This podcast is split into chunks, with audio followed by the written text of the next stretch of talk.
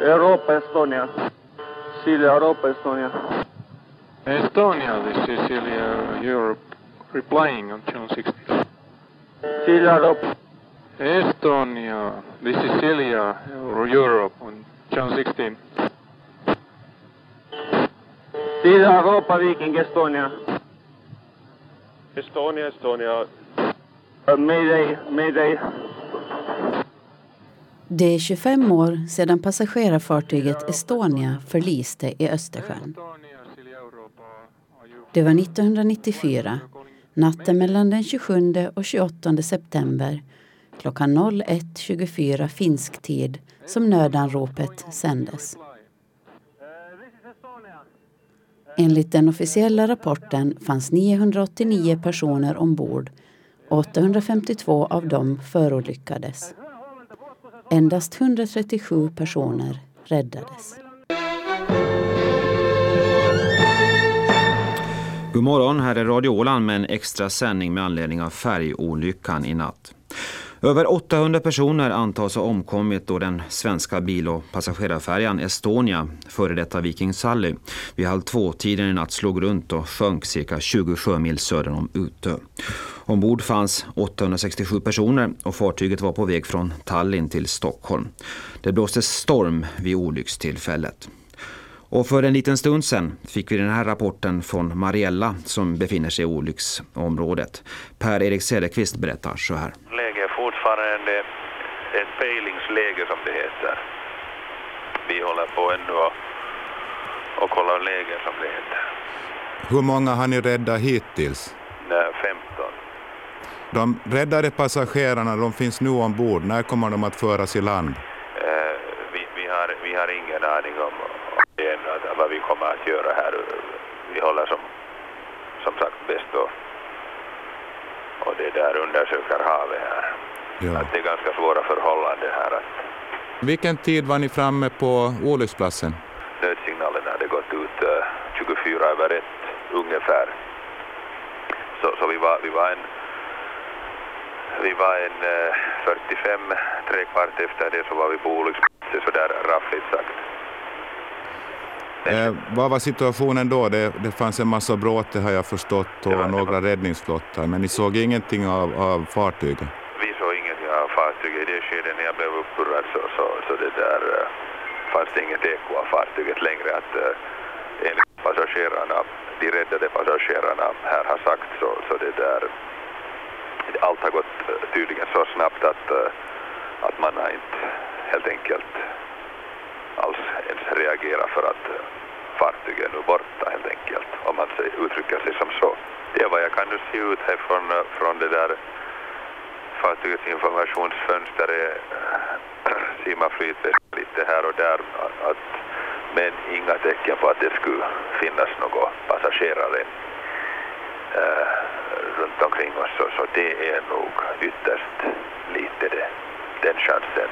I Ålands Radios extra nyhetssändning på morgonen klockan 7.15 intervjuades Per-Erik Cederqvist som då var purser ombord på MS Mariella. Han minns natten så här.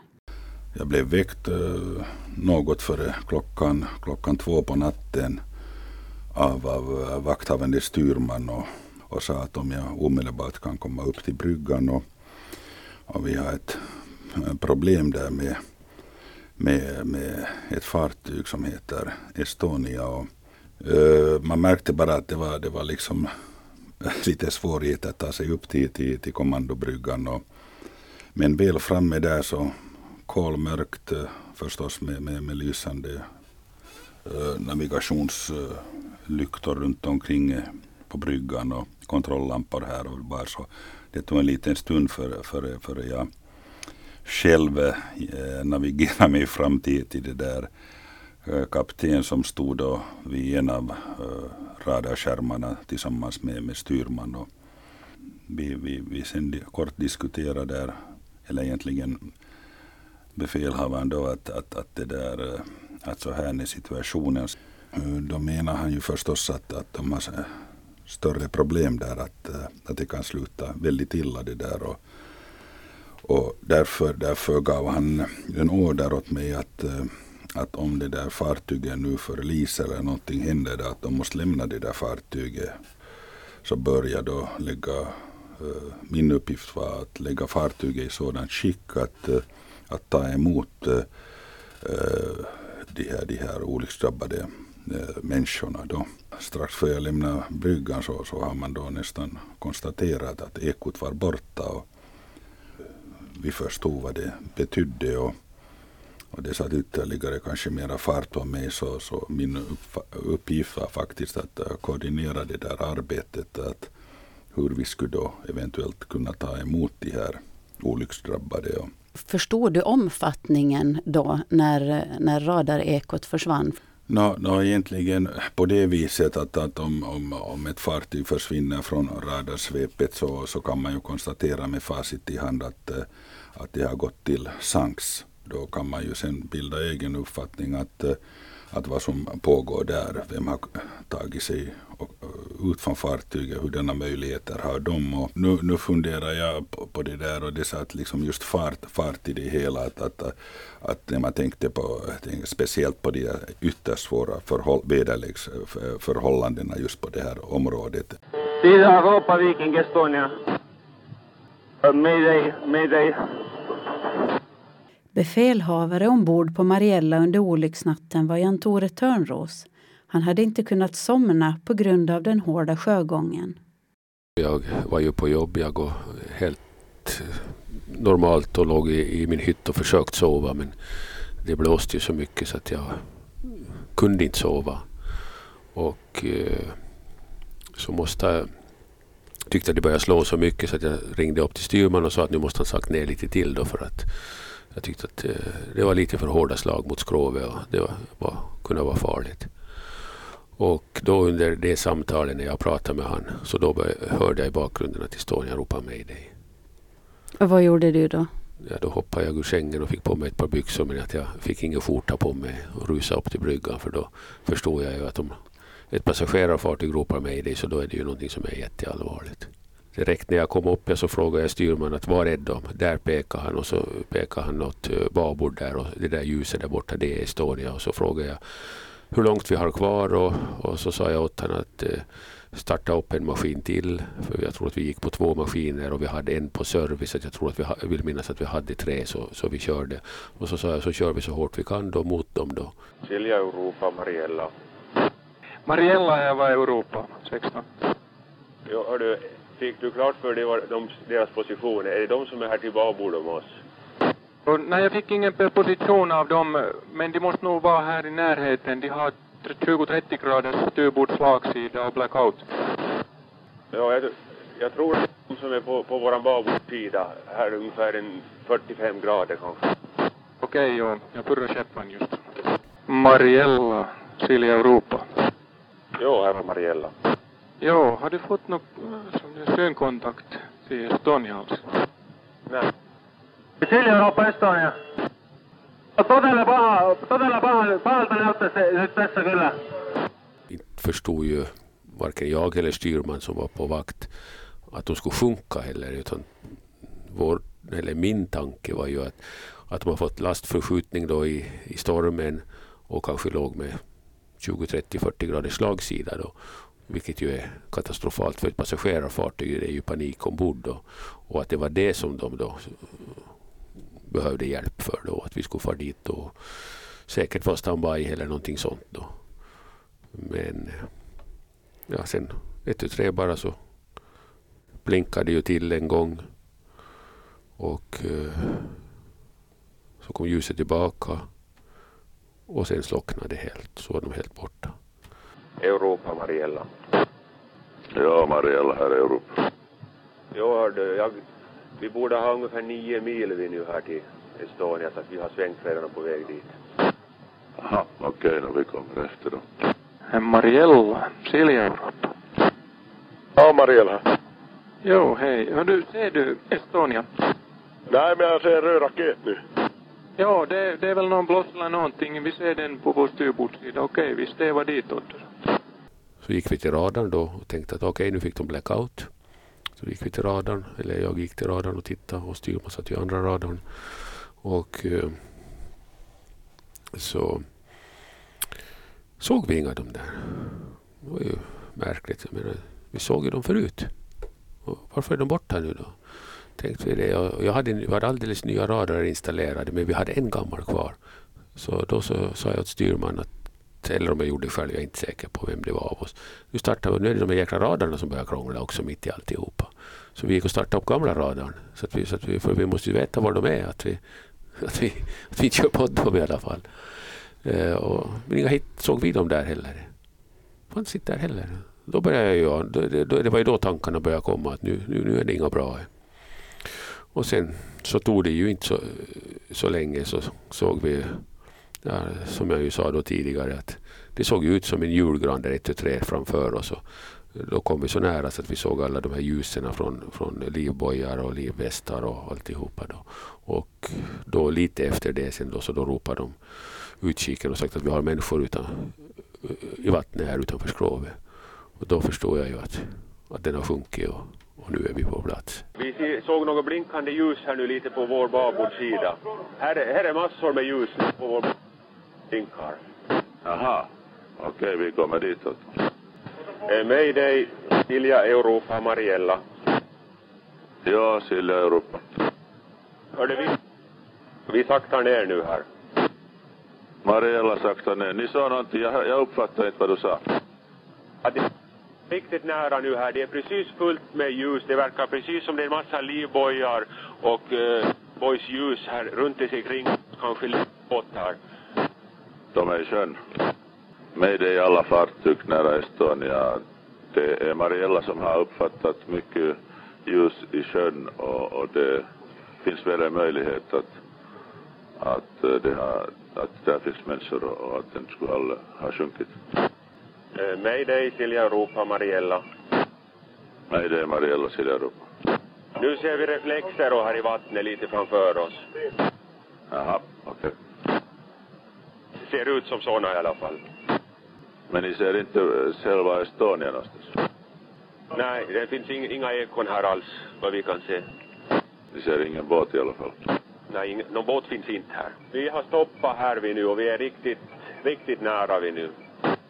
Men hur gick dina tankar då? Förstod du genast vad du skulle göra eller hur, hur tänker ja, man? Det första, det första jag, var ju att jag nödstoppade maskinerna direkt. För att eh, dels så var jag ju livrädd att vi, ifall att den ligger i marvattnet den här eh, båten eller fartyget då. Att den ligger liksom, i, eh, liksom precis under ytan, liksom bara ligger och, och, och flyter liksom att man inte eh, ser den. Alltså, kanske Ja, att, att ni ska ha kört på den? kört på den var jag ju rädd för. Och sen var jag ju rädd för att de här människorna som låg i, i, i vattnet skulle hamna i propellern vår. Bland annat då, så tog jag beslutet då att, att vi sätter inte ut några livbåtar eller räddningsbåtar eller någonting. För det, så, det beslutet tog jag direkt och det var inget svårt beslut för att vi hade ju tagit, tagit liv av våra egna människor och släppt ut dem i, i det där vädret och i den där sjögången. Hur bedömer du läget? Tror du du kan lägga någon båtar ner? Vi gör som så nu att vi, vi släpper ett par, blåser upp ett par flottar och släpper iväg och ser jag menar, ifall det finns någon som lyckas få tag i här. Ja, det är väl enda möjligheten. Jag bedömer då att vädret är så hårt. Ja, jag gör samma bedömning jag och. Mayday, Silja Europa, Mariella. Ja, Mariella Europa. Jo, hörde du, vi har sjösatt eh, några flottar vi nu här och vi har se, ser människor i vattnet här. Vi såg åtminstone fyra som låg och flöt eh, runt ett ljus här precis just. Eh, det fanns ju många som tyckte att det var ett dåligt beslut och att, eh, att jag skulle ändra mig och ville att jag skulle ändra mig och sa att vi har frivilliga som far ut. Men spelar ju det någon roll om man är frivillig eller inte? Att jag menar, jag har ju ansvaret för dem ändå. Så att jag bestämde ju att vi inte skulle göra det och jag är helt säker på att det var helt rätt beslut fortfarande än i denna dag. Och Esa Mäkelä tog ju samma beslut på Europa sen. Var det i något skede under natten då du var rädd för ditt eget fartyg, att det skulle gå illa? Nej, aldrig. Utan det var bara den här oron över att jag inte skulle ta för mycket risker. Liksom. Att, att hela tiden tänka efter, att balansera risken mot möjligheterna. Det enda vi hade då så var ju att vi hade eh, löst ut livflottar, vi har kastat i livbojar och annan liv, fly, eh, flytvästar vräkte vi ju ut. Att vi såg ju att det var människor som var utan flytväst så vi bara vräkte ut flytvästar och hoppades att de skulle få tag i en flytväst, de som låg där utan. Kanske låg och höll i en eh, planka eller en, eh, ja, någonting vad de höll i då för att hålla, hålla sig flytande. Om någon lyckades få tag i någon, det vet jag inte. Så det, det, var väl det enda som vi hade då, att, att vi hade lite, lite utlösta livflottar och lite fattades lite bojar och lite flytvästar. Det var allt. Det var ju ingen, ingen höjdare heller till ligga där utan motorerna igång så att vi, vi fick ju också, det började ju rulla väldigt mycket för oss då. Så, så att eh, ganska snart där så startade vi då nu upp då och sen, sen så började jag ju fundera på hur skulle jag få upp de här människorna och det var ju då jag kom på att, att jag använde mig av livflottarna. Så. Det är precis fullt med folk i havet här runt oss nu här runt och en lite full med vatten med en människa i ser vi. Aha, okej. Okay. Och vi lägger ut flottar så mycket vi hinner vi här. Okej, okay, bra. Så då, då bestämde jag att vi vi hissar ner livflottar, vi kör, att vi får människor längs utsidan, de manövrerar då så, så att de kommer vid utsidan. Och så sänker vi ner en eller två livflottar och så får de hoppa ombord på livflottarna våra och så vävar vi upp dem. Problemet var att på den tiden så fanns det inga maskindrivna eh, kranar till de här livflottarna för de var ju bara konstruerade för att lämna fartyget. Och eh, det betyder att vi måste väva upp dem för hand. Och det är i alla fall en ja, 40, 45 meter kanske. Och, och de är ju väldigt utväxlade då för att det inte ska gå så tungt för att man ska orkväva för hand. Så det, det, det var ju jätte, jättetid och var jättejobbigt. Så jag kommer ihåg att vi tog ut kockarna till, till hjälp till att väva. Och så där höll vi på då hela natten och vi plockade upp, jag tror det var 16 stycken vi plockade upp på det viset. Då. Där och, men sen gick ju sen på slutet blev de ju så, så frusna och trötta så att de orkade inte gå över det. Så då, då gick jag faktiskt med på att vi skickade ner en av våra killar, visserligen med både livväst och livlina liksom och säkerhetssele på då. Och för att hjälpa dem ombord då, för de orkade inte komma ombord. Så, så det gjorde vi ju då sen och det, det funkar ju funkar ju bra också. Men sen gick ju, det här tog ju så länge så det, det, var ju så ineffektivt genom att vi måste veva för hand. Och jag hade ju stora Mariella som jag skulle manövrera fram till de här människorna för de spreds ju ut väldigt hastigt på ett stort område. Så, så att när vi har tagit upp en då så måste jag ju köra iväg och leta upp nästa då så ska jag ju manövrera och sen ska man ju inte köra över dem heller. Här kommer nu den första från färgkatastrofen. En ambulans har just eh, parkerat här utanför Ålands centralsjukhus inne i, eh, i ingången så står tre stycken eh, sjuksängar uppradade för att snabbt få dem vidare som eh, just nu tas om hand inne på akuten här på Ålands centralsjukhus. Klockan är ungefär 8.38 och den första, eh, den första skadade anlände ungefär 8.35. Nu anländer eh, den tredje från eh, katastrofen vid Utö natt just till Ålands centralsjukhus. Och eh, enligt uppgifter vi har fått här från sjukvårdsledningen så förs de här patienterna direkt upp till intensivvårdsenheten där all utrustning finns på plats. Det är alltså tre ambulanser som har kommit till Ålands centralsjukhus nu när klockan är tio minuter i nio. Här bärs en utav dem ut. De har alltså flugits hit ifrån ute. De räddade passagerarna från Estonia som fördes till Åland, åtta stycken, fick krishjälp på plats av en krisgrupp. Det var relativt nybildade PKL, Psykologiska katastrofledningsgruppen. Kristina Wikner Lötman var en del av gruppen. Kristina intervjuades i Ålands Radio på dagen efter förlisningsnatten. Hon fick frågan om hon pratat med någon av de räddade passagerarna. Jag har inte personligen pratat med någon av dem, utan vi har då en speciell grupp som finns vid var och en sida. De har, vad jag kan förstå, allihopa väldigt jobbigt, mycket överlevnadsskuld med tanke på att, att det var många av deras kamrater som blev kvar. Och eh, ett mycket stort behov av att få prata. Någonting som eh, ni håller väldigt hårt på här på sjukhuset är att inga journalister får träffa patienterna idag. Varför är det så viktigt? För det första är klienterna chockade. Och i ett chocktillstånd så kan man säga saker som man kanske i ett senare skede ångrar. Och eh, dessutom så har det ju många gånger visat sig det att liksom all onödig stress så, så måste vi skydda de här drabbade för. Tio år efter Estonias förlisning berättade hon detta i Ålands Radio. Att det här allra första samtalet som jag fick då när de ringde och meddelade att det var katastrofalarm. Och eh, sjuksköterskan från Gränsby sjukhus som ringde så sa att det var ett han kanske sa att det var ett estniskt fartyg som jag inte riktigt uppfattade. Utan jag uppfattade bara att det är ett utländskt fartyg och jag var ganska säker på, eller tänkte genast att det är ett flyktingfartyg, en rostig skorv som har gått under. Att, den här, att kunna tänka att det var en färja som var totalt omöjligt i det läget. Och sen tänkte jag att okej, okay, vi har inte, och vi som inte har haft någon krisföreläsning för tolkarna och hur ska de klara det här och har vi någon som kan tala kurdiska och en massa sådana tankar. Och sen duschade jag och så tänkte jag att ja, men det här är nog i alla fall en övning. Och, och vi som så ofta i krisledningen har pratat om att vi ska inte ha några oförberedda övningar. Och sen ringde min chef och så säger han Eh, har du fått larmet? Ja, jag har fått larmet. Vad är det som har hänt egentligen? Och sen sätt på tvn. Och så sätter jag på tvn. Och ser de här siffrorna och ser att, att det är en, en färja lik alla andra som går här mellan Mariehamn och Stockholm, Åbo och sådär. Och då kändes det nog som allt var ett enda kaos. Idag, 25 år efter förlisningen och 15 år efter intervjun minns Kristina fortfarande de första timmarna väl. När jag ser då att det är en färja, då är det som...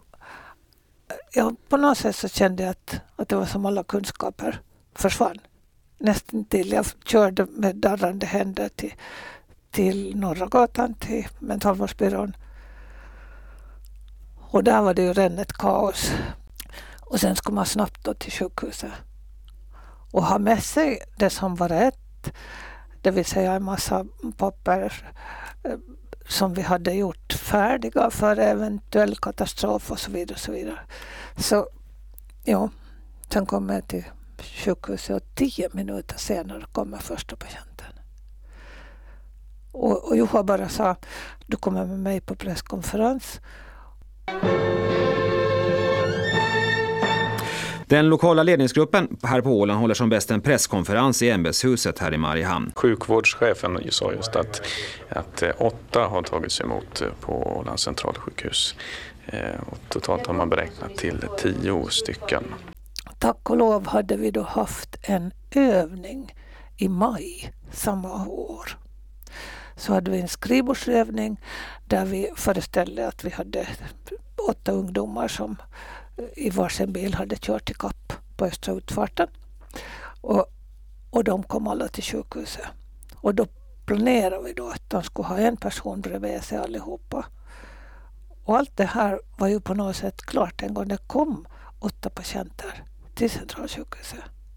Att, det, att känna att den här övningen var kanske den som räddade oss. Men vi hade ju jobbat i tre och ett halvt år hade vi jobbat med det här så vi hade hunnit utbilda en massa människor som kunde kris och katastrofreaktioner.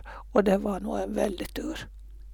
Under en presskonferens under olycksmorgonen berättade sjukhusets dåvarande överläkare Anders Fagerlund om den stora betydelse krisgruppen hade.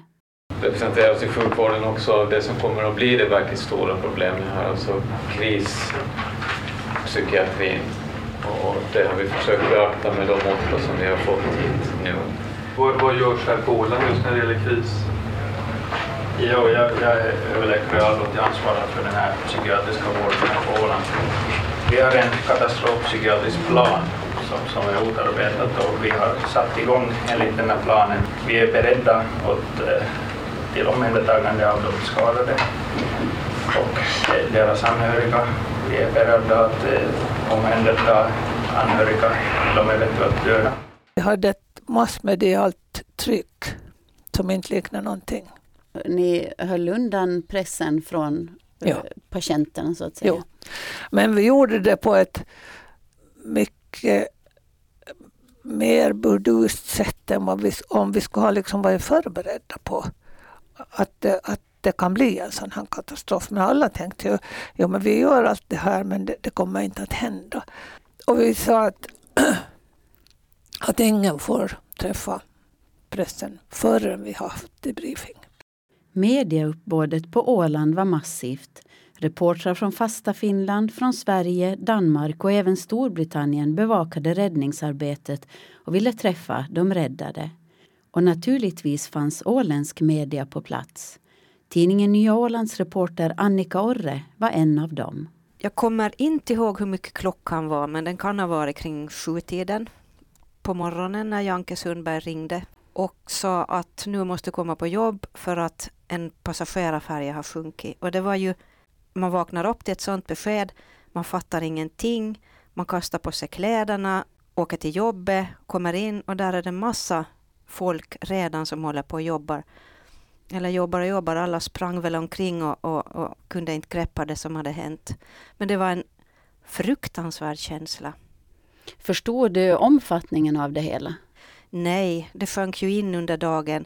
Men jag kommer ihåg först samlades vi till möte och sen försökte vi väl strukturera upp vad vi skulle göra och vem som skulle göra vad. Och mitt uppdrag blev att ta reda på om det fanns ålänningar med på olycksfärjan på Estonia.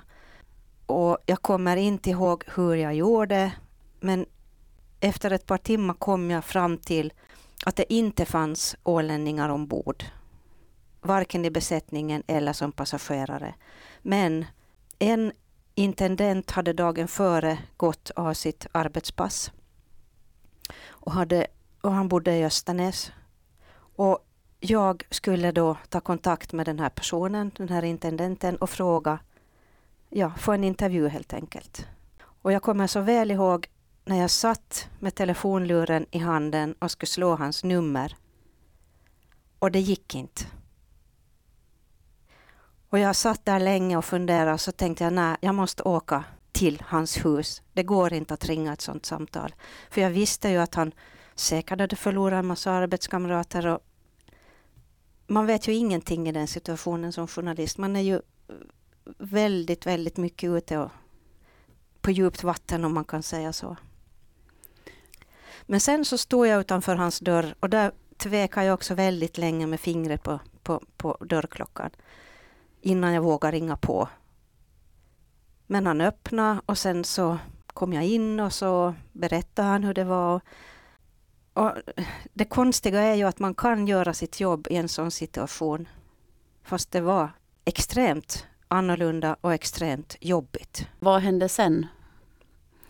Ja, sen åkte man ju tillbaka och sen skrev man ut det och, och försökte samtidigt ta in allt det som hade hänt. Mellan, jag kommer ihåg det som en dag när man jobbade och sen i mellanrummen när man hade en stund över att tänka själv, då försökte man ju själv ta in vad som hade hänt.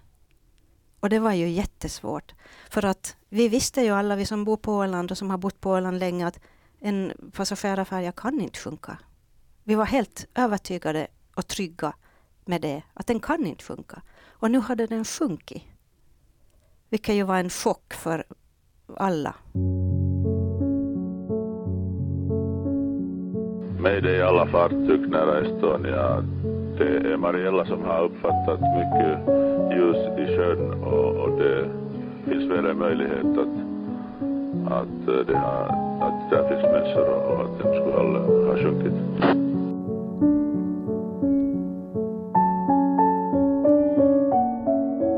Till slut var det ett faktum att endast 137 personer räddades av närmare 1000 passagerare.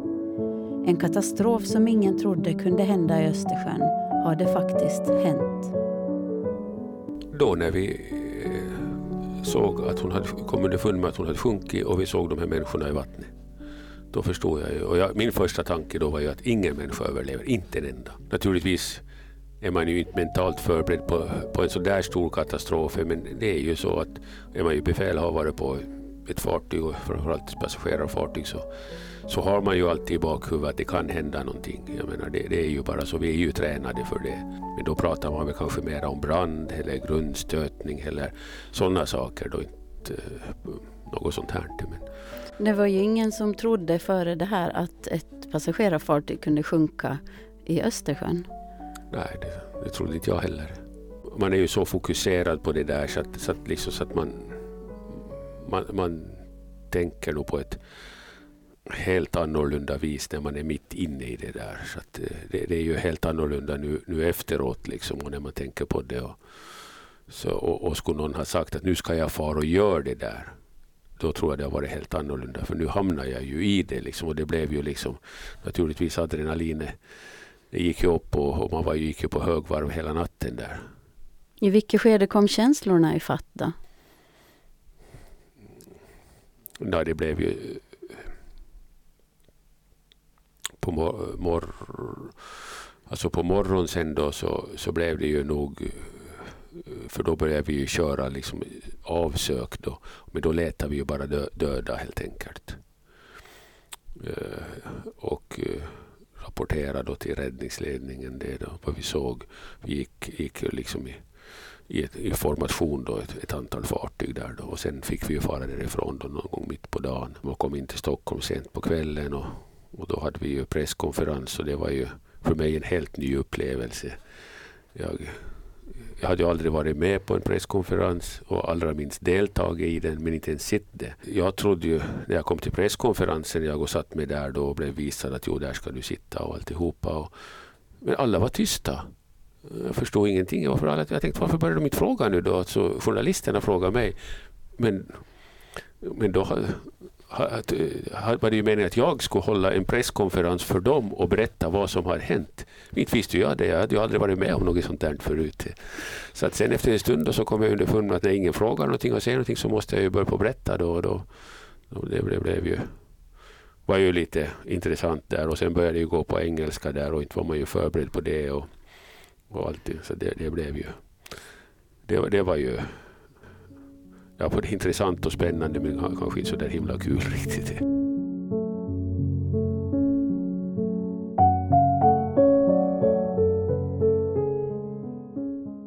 Presskonferensen höll vi ombord den klockan 10, 11, 12 på natten vad det var, eller följande natt. Liksom. Jag var ju igång, vaken i hur länge som helst jag där då. Så, men sen när vi körde tillbaka, då kommer jag ihåg, då hade vi en journalist från Dagens Nyheter med oss som, som jag pratade med. Men då, då var det nog, när man, för då var det spegelblankt havet när vi körde förbi det där området. Då kändes det nog lite konstigt kanske. Men det var aldrig så där att du, du fick någon sån här känslostorm efteråt och började fundera på vad det egentligen som har hänt? Och... Fundera, det är klart att man vill fundera väldigt mycket på vad som hade hänt. Och, och eh, jag kommer ihåg att jag var ju nere och gick. Eh, vi, vi upprättade ju som ett fältsjukhus i konferensavdelningen där. Och på vägen, vägen till Stockholm och sen så var jag, gick jag ju runt där på, på konferensavdelningen då och pratade med de här människorna som vi hade plockat upp. Så det var ju, det var ju känslosamt förstås. Och, och det var ju alla möjliga, de var ju i chock och det var ju, de hade ju, vissa hade ju mist familjen och allt sånt där. Så det, det var ju det var ju inte så kul.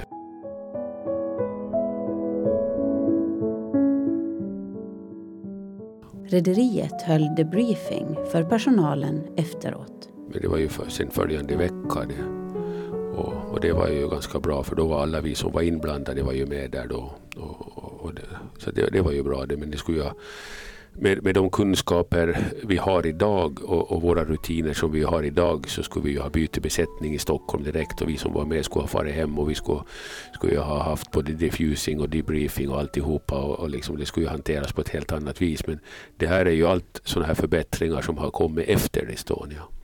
Där har vi ju idag väldigt färdiga planer. Vi har hur vi ska ta hand om eh, människor som, som råkar ut för sådana här situationer och vi har avtal med företagshälsovården som kan skicka krishjälp och alltihopa. Men det fanns ju inte på den tiden. Men du känner att du ska önska att det ska funnits då? Alltså, för egen del så jag, jag, jag, jag har väl inte lidit av det på det viset att, att, jag, att jag kan säga att jag att, att jag fick något fel av det på det viset och, och, att det skulle ha varit bättre. Men jag vet, jag hade ju kollegor som mådde jättedåligt efter det där som faktiskt skulle ha behövt det där.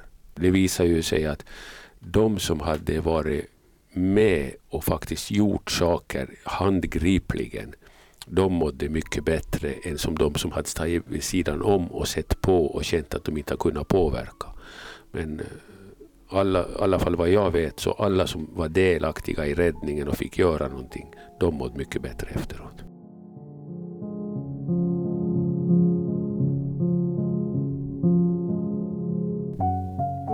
Tror du att det också har gjort att du har, har klarat det relativt bra? Att du ändå gjorde allt vad du kunde? Ja, eh, förmodligen. Det är ju svårt att säga hur det skulle vara. Det är klart att hade det ju blivit en katastrof av alltihopa. Vi säger att det värsta som har hänt är ju att man kanske skulle ha tappat någon egen besättningsman. Som, att man skulle ha gjort några sådana beslut. Då tror jag även nog att det skulle ha blivit helt annorlunda för, för mig. Men eftersom jag hade tur så att det gick bra så tror jag att, att det hjälpte till. Och sen vet jag ju än i denna dag att eh, jag har ju naturligtvis gått igenom det här i mitt huvud hur många gånger som helst. Men det finns ingenting som jag skulle göra annorlunda i denna dag än det jag gjorde då. Så att eh, det har väl nog hjälpt mig också. att Jag behöver inte förebrå mig för någonting. Har du någon gång känt dig rädd eller orolig när det har blåst väldigt mycket och du har varit ombord? Aldrig. Jag vet, det, har, det, det, det, var säkert då och det är ännu säkrare idag och jag är helt säker på att vi kommer aldrig mera på våra breddgrader att uppleva en sån här olycka.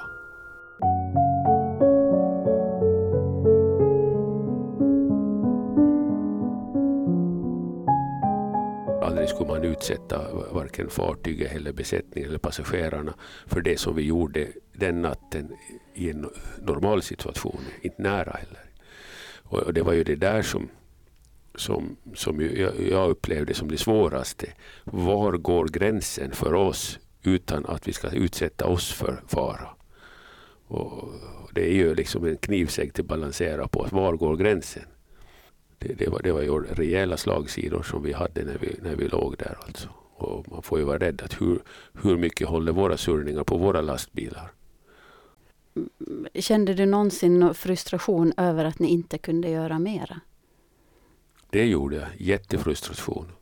Och, och, och, det var ju naturligtvis beroende på den här bristfälliga utrustningen. Liksom när, när jag ju hade kommit på den här idén då. Jag hade ju aldrig varit med om det förut utan det var bara en idé när jag stod där på bryggvingen och funderade hur fan kan jag göra nu? Så, som jag kom på det där att jag funderade ju först på att sätta ner om man skulle fyra ner livbåtarna. Liksom då. Men då, då, då, kom jag ju till att sen vi låg där och rullade, då skulle jag ta i en livbåt.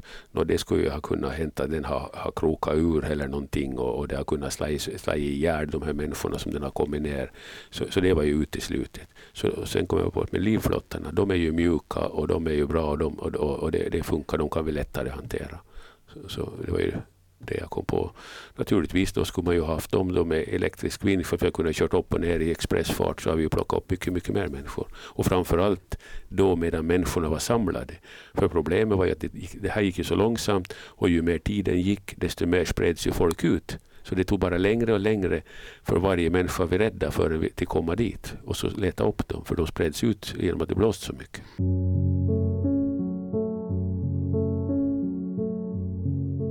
Hur eh, ofta tänker du på, på den här natten? Jag blir påmind. Och det är vid varje årsdag det i princip? I, I princip och när man av olika anledningar äh, träffar på journalister ofta. Så då kommer det ju människor idag.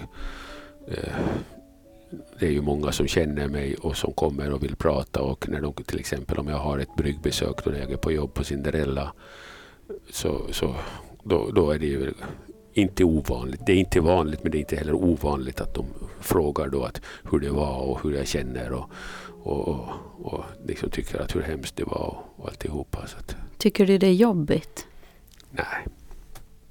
det är väl mer att, att jag kanske idag börjar känna att det är lite uttjatat. Alltså att, men varför, alltså jag har ju sagt allt som finns att säga. Så att det var väl min tanke när du, när du ringde också. Att, att ska jag nog säga det här, inte har jag något nytt att säga heller.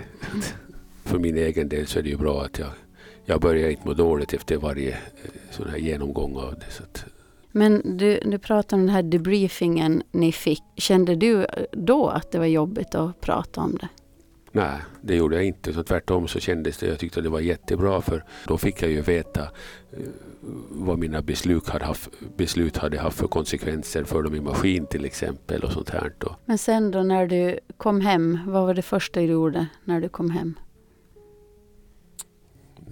Kommer jag inte ihåg. Jag kommer ihåg, vi kom så sent till Helsingfors att jag hann ju inte fara hem utan jag var och hälsade på en kompis i Kyrkslätt och var där över natten och så får jag hem följande dag. Och, och då, ja, då får jag får jag och börja ta upp kinakål med min far. För det var kinakåls upptagningstider då så, att, så att då låg jag i, i kinakålslandet. Ja.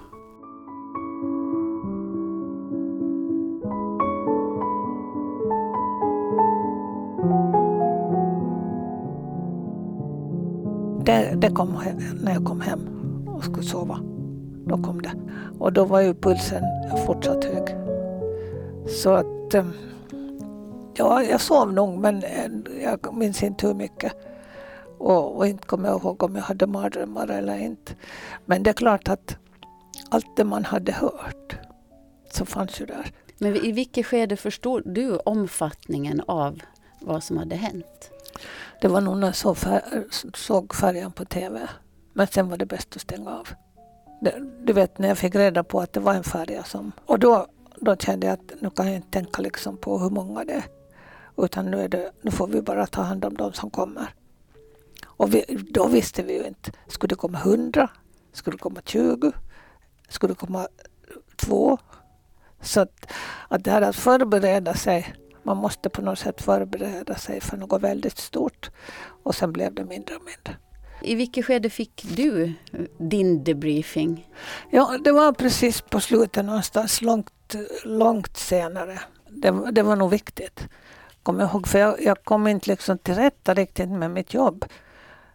Du vet, man hade hållit på med det där som var så stort. Och, och sen kom det någon som berättade att den hade sömnsvårigheter eller något sånt, så tyckte jag att det, men det var så där lite. Och samtidigt som jag visste att för varje patient som kommer hit och berättar någonting så det är stort. Och att få ihop de här två, det var inte lätt.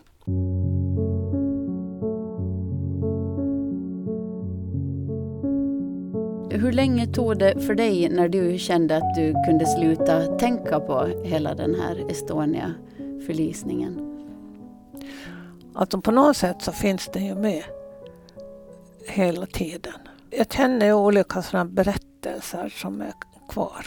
Det kom också alltid när jag kom hem då. Bland annat en av de drabbade som berättade att, att hon hade haft en en hyttkamrat som var gravid i åttonde månaden. Och hon blev ju inte räddad. Så att hennes berättelse, en annan berättelse som jag inte kommer ihåg vem som stod för, så var att när de kom upp på däck så satt en mamma eller stod en mamma och pratade med sitt barn och klädde på honom en flytväst och berättade att de skulle måste hoppa i vattnet och att de måste simma. Och redan då visste jag det var inte något barn som hade räddat. Ett barn som var 12 år. En liten norsk pojke. Och den här pojken var då kanske sex, åtta, någonstans däremellan. Så sådana saker, om någon frågar om Estonia så då kommer jag ihåg. Det är inte längre plågsamt men varje gång man ändå tänker på det så kan jag se framför mig de här bitarna. När man vet hur det ser ut på färjan. Och så lägger den sig på sidan. Och då vatten börjar komma in. Och hela den här biten att försöka klättra upp för någon trappa som ligger på fel... Ja, nej, det var så mycket tok. När du åker färja och det blåser, tänker du på Estonia då? Eller det, det är rätt lätt att se det framför sig och, och bli lite rädd. Men sen han, tycker jag ändå att jag hanterar det. Men, men jo, jag håller det för mig själv. Jag går inte runt och säger att nu sjunker vi eller sådär. Jo, alltså personligen så kan jag väl säga att jag var stolt över att jag hade varit med och att jag hade jobbat så mycket för det. Och det innebar ju förstås att jag ville jobba ännu mer.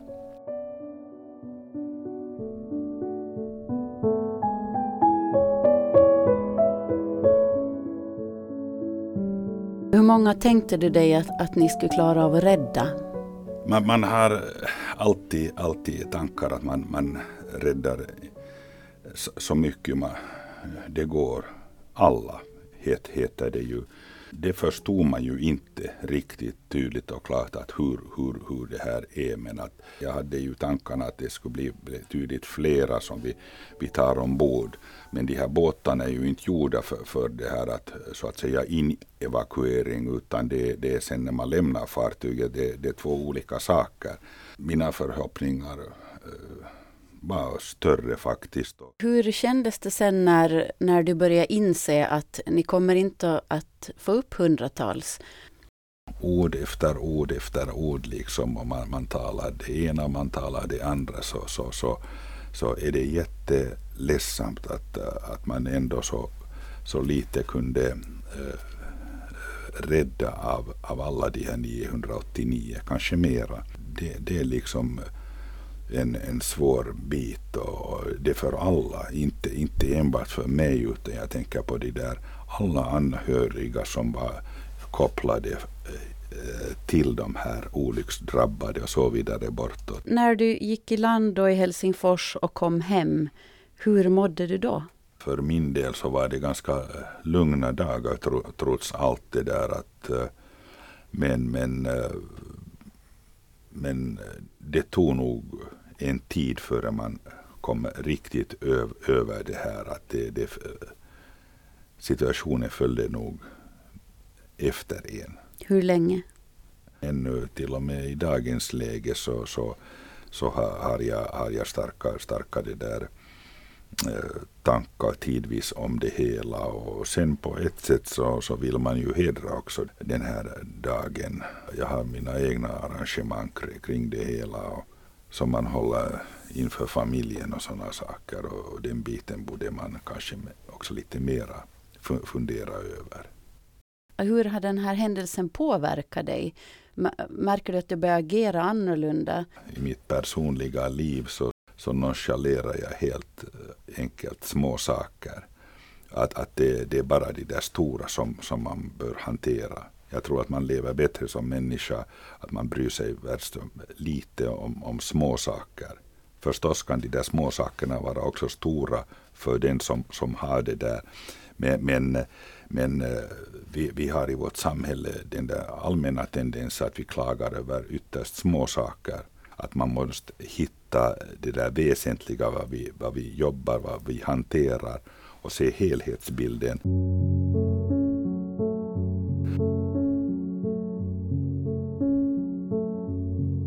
Alltså den där första dagen gick som ett något slags töcken. Som är svårt, svårt, det är svårt att i efterhand komma ihåg och sortera ut riktigt hur, hur man tänkte och kände. Men sen kom det ju en kväll när man var hemma med familjen och då försökte bearbeta det här och lyssna och, och se på TV och fatta vad som hade hänt. Och när jag kom till jobbet sen följande dag, så då, det, det första jag gjorde var att jag såg vår arkivarie Marita Smeds. Dörren till hennes rum var öppen och jag gick raka vägen in och satte mig på golvet och grät. För det var så, det var så stort. Det, det, man är ju både människa och journalist på samma gång. Och då satt jag där och var människan som bara inte kunde begripa att det här faktiskt hade hänt att över 800 människor har mist livet.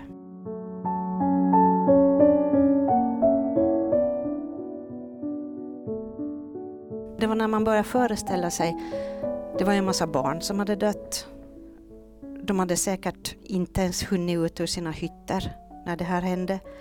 Och så vet man ju att när en, en färja vänder om det nu var fören eller aktern uppåt, fören kanske det var.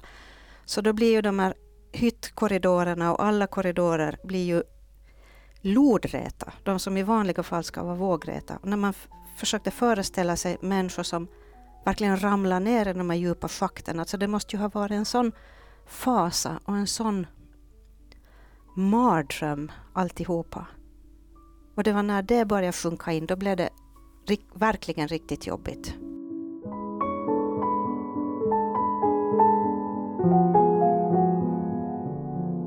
Nu kommer ju igen det här med alla de här dubbla känslorna och, och om man är människa eller journalist. För eh, genast på morgonen efter vårt morgonmöte dagen efter olyckan så då kom en man gående upp för trappan. Och han sa till, till Helena Forsgård som då var nyhetschef eh, att han ville ha dagens tidning därför att det var hans dotter som var en av dem som räddades till sjukhuset. Och det var hon som låg på båren på den bild som, som Jan Andersson hade tagit. Och då, och jag, jag glömmer det aldrig, då tittade Helena på mig, för vi hade just före det tänkt att vi, vi måste ha den här mänskliga sidan av det hela. Vi kan inte bara ha myndigheternas uttalanden. Och jag vet precis vad vi tänkte båda två. Vi tänkte, här har vi människan i tragedin. Hans dotter hade överlevt. Hon hade räddats och fört till sjukhus. Så hon frågade honom, kan vi få göra en intervju med dig? Och han, han sa förstås ja, för han var ju jätteglad. Och, och den intervjun glömmer jag aldrig. Vi satt i ett litet rum på sidan och han berättade, det bara bubblade ur honom hur lycklig han var, hur glad han var och allt som hade hänt före. Och, och under, allt, när de väntar på besked sen om, om hon hade överlevt eller inte. Det blev en fantastiskt fin intervju. Och sen skjutsade vi tillbaks honom till sjukhusgården med Nya Ålands vita bil med en stor röd logga på sidan. Och då tänkte jag, och det har jag känt på något sätt skamkänslor för efteråt, för att jag tänkte vilken jubelidiot jag är som kör honom tillbaks till en sjukhusgård som är proppfull med journalister från Finland, från Sverige, från England, från alla världens håll.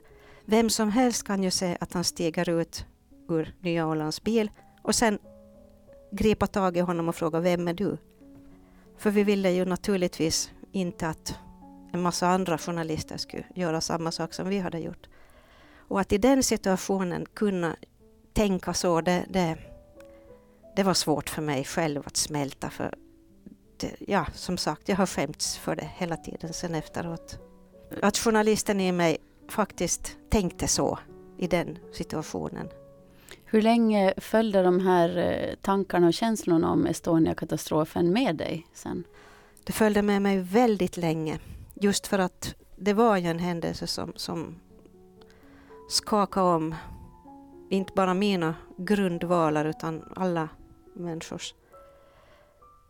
Och just de där tankarna på hur det hade varit ombord förföljde mig väldigt länge.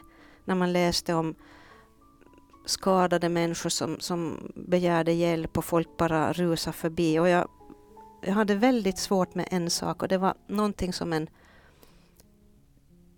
jag tror att det var den, den dansk kille som överlevde och som fördes till sjukhuset också. Det som han brottades med blev min, också min själsliga kamp med mig själv. Därför att han hade ont samvete för att han hade överlevt när så många andra hade dött. Och han såg på sig själv som en på något sätt dålig människa som inte hade gjort allt för att rädda andra. Utan istället rädda sig själv. Och jag tänkte, om jag hade varit ombord, hur hade, vilken människa hade jag varit? Hade jag varit en sån som hade tänkt på att rädda mig själv eller en sån som hade stannat för att hjälpa andra och dött på kuppen? Om jag hade varit ensam så då...